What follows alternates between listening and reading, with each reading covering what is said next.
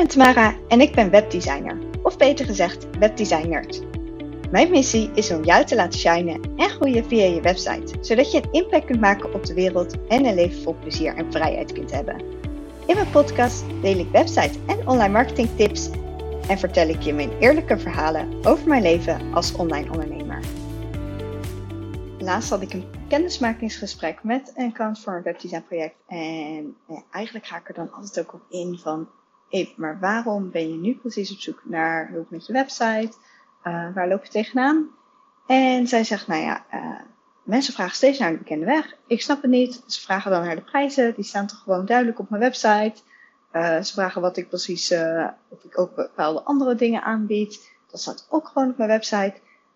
ze zegt, ja, volgens mij kan er wel wat aan verbeterd worden. En dat was ik natuurlijk helemaal met haar eens. Uh, want als jij dus berichtjes krijgt van mensen over dat ze iets niet snappen, dan zijn er nog veel meer mensen die het ook niet snappen, maar die uh, niet actie ondernemen om daadwerkelijk ook uh, de, vraag te stellen. Dus je loopt dus dan gewoon klanten mis. Dus dat is natuurlijk ontzettend zonde.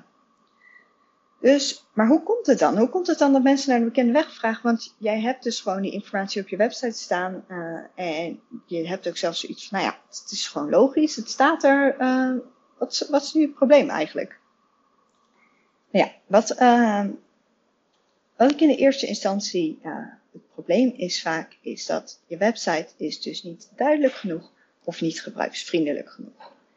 En met gebruiksvriendelijk bedoel ik dat uh, soms zie ik wel eens websites die echt super mooi, super creatief zijn, maar ze zijn niet logisch. Er zijn bepaalde dingen die gewoon, uh, ja, waar we aan zijn gewend. Uh, stel dat je bijvoorbeeld ook werkt met een, ja, gewoon met je smartphone. Je weet gewoon dat er bepaalde knoppen bepaalde dingen doen. En zo zijn we dus ook op websites, ja, eigenlijk zijn we dat dus zo soort van geleerd. dat stel dat je op het logo klikt, dat je teruggaat naar de homepagina. En dat knoppen, uh, nou ja, als je daarop klikt, dat er dus wat gaat gebeuren. En soms zie ik wel eens met websites dat mensen echt super creatief zijn geweest en dat er allemaal echt heel gaaf uitziet.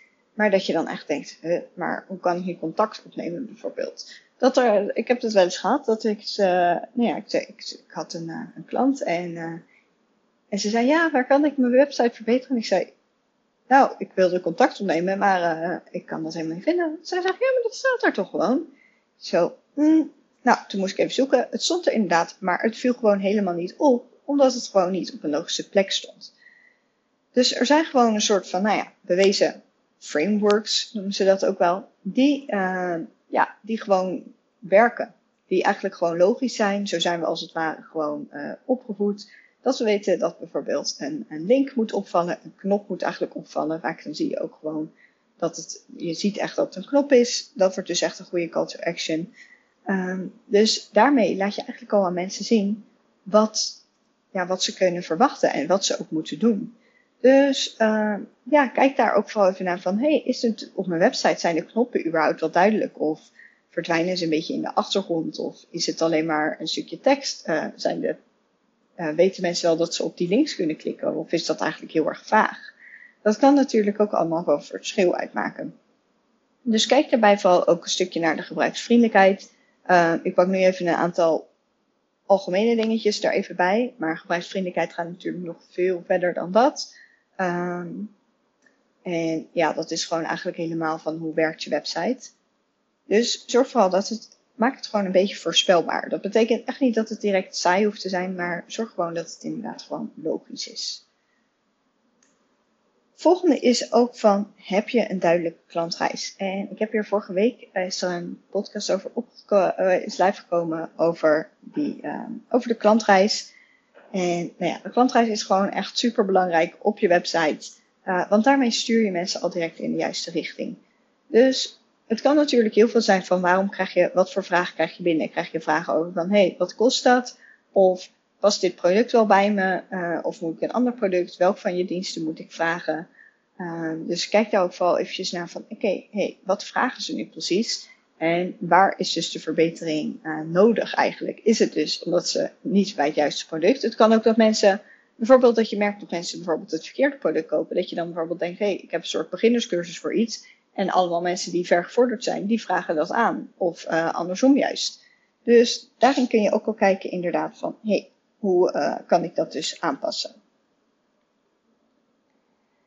Dat kun je natuurlijk ook als je dus bij die klantreis, is natuurlijk ook heel erg belangrijk van, is het wel duidelijk wat klanten nodig hebben? Vaak moet je ze daar ook een beetje in, uh, ja, moet je daar een beetje in sturen.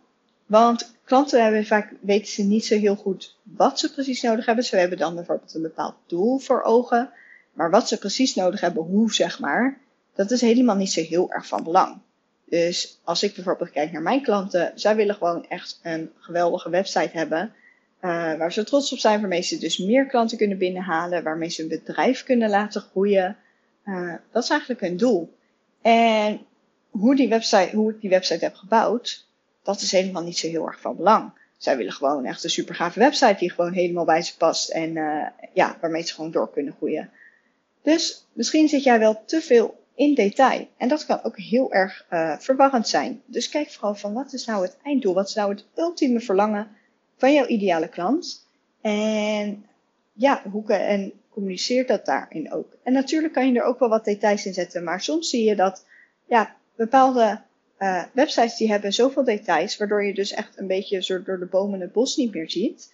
Uh, en dan denk je ook van ja, het maakt helemaal niet zo heel veel uit wat voor functies die website allemaal heeft. Mensen willen gewoon denken, ik wil gewoon een website die mooi is, die helemaal bij me past, die helemaal mij uitstraalt, die, uh, die goed werkt, waar ik meer klanten binnen kan, kan halen, die me tijd bespaart, doordat ik dingen kan automatiseren.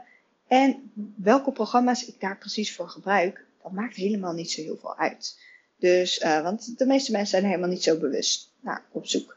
Dus kijk erin vooral van, ben je niet te veel, te diep in detail um, aan, het, uh, ja, aan het duiken eigenlijk, waardoor het eigenlijk een beetje het doel aan voorbij gaat. En dat mensen eigenlijk een soort van verward worden door alle feitjes en uh, kennis die je eigenlijk biedt. Dus kom echt to the point. En hoe zit het eigenlijk ook dan met je aanbod? Is jouw aanbod eigenlijk wel duidelijk genoeg? Is het duidelijk voor wie, welk aanbod bij wie past? Uh, nou ja, stuur je ze inderdaad ook de juiste richting op. Ik zou ook zeker als je denkt van, hé, hey, wat bedoel je nu precies met die klantreis? Zou ik zeker even de podcast van vorige week luisteren, want daar ga ik er heel diep op in. Uh, maar inderdaad, is je aanbod misschien niet te groot? Dus wat bijvoorbeeld nu ook bij die klant was, die had bijvoorbeeld een, een aanbod van, nou ja, volgens mij had ze wel tien verschillende producten. En dat hebben we dus eigenlijk teruggezet naar, naar drie pakketten. Want zij had helemaal niet zo'n enorm, want eigenlijk zei ze, want ik keek wel van ja, maar gaan mensen die aparte producten, zeggen ze nee, vaak dan vragen ze, die twee doen ze vaak samen en zo. Dus dan hoef je dat helemaal niet apart te zetten. En je kan er altijd ergens nog bij zetten van, hé, hey, op zoek naar maatwerk, laat me vooral weten, ik maak een offerte op maat voor je. Maar het is natuurlijk heel mooi als je pakketten hebt, zodat het ook gewoon goed, uh, ja, dat gewoon duidelijk is voor de klant wat ze precies, uh, ja, hoe ze dus hun, hun doel gaan bereiken. Dus bijvoorbeeld, nou ja, pakket A past bij ondernemer A en pakket B past bij ondernemer B. Zodat dat dus echt gewoon heel duidelijk is. Maar als je er dus 10 hebt, dan wordt het soms gewoon echt een beetje te veel. En dan krijgen mensen dus uh, keuzestress, ze weten het niet. En dan zullen ze je dus inderdaad berichtjes gaan sturen, omdat ze denken van, ja, wat heb ik nu überhaupt precies nodig? Uh, dus je mag ze daarin gewoon echt een beetje helpen en ze ook een beetje leren of doseren eigenlijk van, uh, van nou ja, doseren, hoe zeg je dat, lesgeven over uh, wat zij dus precies nodig hebben om hun doel te bereiken. Dus denk daar ook vooral even goed over na. En hoe zit dan ook inderdaad met je prijzen? Uh, heb je die op je website staan? Heb je die niet op je website staan? Ik ben er altijd wel echt een voorstander van om het op je website te hebben staan. Ik heb daar ook een keer een podcast over opgenomen. En daarin leg ik je inderdaad ook uit van waarom ik daar echt een voorstander van ben. Um, maar stel dat je dat inderdaad denkt van, nou, ik wil het niet. Uh, zorg ook, misschien kun je wel een soort indicatie geven van een prijs of iets in die richting. Maar het kan ook soms zijn dat de prijzen gewoon een beetje verstopt zijn. Of dat de prijzen heel ingewikkeld zijn. Ik heb dat ook wel eens, nou ja, ik, ik kan je laatst even een voorbeeld geven. Ik ging bijvoorbeeld, ik ging naar de Chichen. In, uh, ik ben in Mexico momenteel en ik zet, ging naar de Chichen. En daar stonden dus, uh, ik ging een kaartje kopen en er stonden drie prijzen. En ik zat echt zo, dacht, hè? Wat, wat, moet ik nu betalen? Ik snap er geen bal van.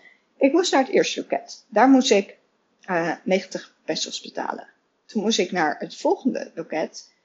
En daar moest ik volgens mij 450 of uh, 540 pesos betalen. En ik zei zo, oh, maar moet ik nu dan nog naar een derde loket om nog dat laatste te betalen? En dan, nee, nee, nee, daar hoef je niet heen. Nou, ik snapte er echt geen donder van wat ik nou allemaal aan het betalen was. En hoe dat nou precies zat. Waarom moet ik, waarom moet ik voor één keer toegang twee keer betalen? En wat is dan die derde prijs dat op dat bord stond? Nou ja, toen ging ik eventjes langer, langer kijken naar dat bord. En toen dacht ik, oh ja, 1 plus 1 is 2, zeg maar. Dus nou ja, die 2 was dan de totaalprijs. Maar toen dacht ik van, waarom is dit, dit is een soort van, uh, het is een soort ingewikkeld. Dan denk je, nou ja, dit is, dit echt een heel simpel voorbeeld. Maar je kijkt natuurlijk, mensen kijken gewoon eventjes snel. En die willen gewoon direct weten, wat moet ik nu eigenlijk betalen? Dus als je dan inderdaad door twee loketten moet, je moet twee keer aparte dingen gaan betalen.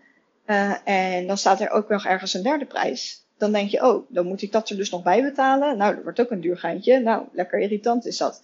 Dat is natuurlijk allemaal super verwarrend. Dus kijk er in elk van, hoe zijn je prijzen zijn die opgebouwd? Is het duidelijk? Heb je, misschien heb je wel gewoon een prijs.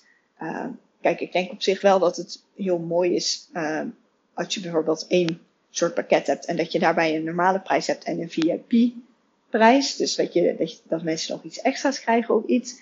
Maar dan is het natuurlijk heel logisch wat dan precies het verschil is. Maar als je inderdaad tien verschillende prijzen hebt, of inderdaad voor één product, maar dan zijn er in één keer drie prijzen, terwijl je denkt van hé, hey, maar dit is toch allemaal precies hetzelfde, waarom moet ik drie keer betalen? Dan haken mensen daarop af en dan krijg je dus ook vragen. Want ik ging het natuurlijk ook vragen van hé, hey, hoe zit het nou? Wat moet ik nou betalen? Want uh, ik snap er geen bal van. Oh ja, er stonden trouwens nog meer prijzen, want ze hadden ook nog afzonderlijk nog uh, studentenprijzen en localprijzen. En uh, nou ja, er stond in ieder geval echt een bord dat ik dacht van, nou jongens, uh, dit, dit kan echt veel makkelijker. Ehm, dus kijk erin ook vooral van hoe zit het met je prijzen. Dus wat ik eigenlijk nu het vaakste zie, is als, dus, als je dus constant mensen hebt die dus naar dezelfde weg vragen, is dus, het is gewoon, je website is niet duidelijk, niet gebruiksvriendelijk. Of je klantreis staat gewoon niet duidelijk, in, uh, ja, staat niet duidelijk doorgevoerd op je website, waardoor mensen dus keuzestress krijgen. Dus eigenlijk is dit een best wel een kort antwoord op deze vraag. En uh, ik hoop dat je er veel aan hebt gehad. Laat me vooral weten als je er veel aan hebt gehad. En stel dat jij nu denkt van, nou ja, ik, ik heb inderdaad echt heel veel, ik, ik, merk ook dat mijn klanten, dat ik heel veel dezelfde vragen krijg wil je een keertje met me meekijken? Ik heb dan de webdesigner to the rescue. Dat is dan een, uh, ja, daarmee gaan we dan echt een uur lang gaan we naar, helemaal in je website kijken. Dan gaan we kijken van hoe kun je het verbeteren. Uh, en uh, ja, welke kansen liggen er nog voor je? Kan eventueel je ook dingen uitleggen. Dus dan is dat misschien nog iets voor je. En dan spreek ik je graag volgende week weer. Wat ontzettend leuk dat je luisterde naar mijn podcast. Ik hoop dat je veel aan deze aflevering hebt gehad. Vond je deze podcast nou waardevol? Deel hem dan ook op Instagram. Dat kan gewoon in je stories, maar dat mag natuurlijk ook in je feed. En ik zou het super leuk vinden als je mij daar dan ook in tagt, want dan zie ik wie dit heeft geluisterd. Wil je mij nou helemaal blij maken? Geef deze podcast dan 5 sterren. Dat kan natuurlijk gewoon in Spotify. Dat kan ook in iTunes. En in iTunes kun je dus zelfs ook een review achterlaten. Dat zou ik natuurlijk super leuk vinden. Want zo help je mij te groeien en kunnen we met z'n allen een nog grotere impact maken op de wereld. Bedankt voor het luisteren en tot de volgende keer.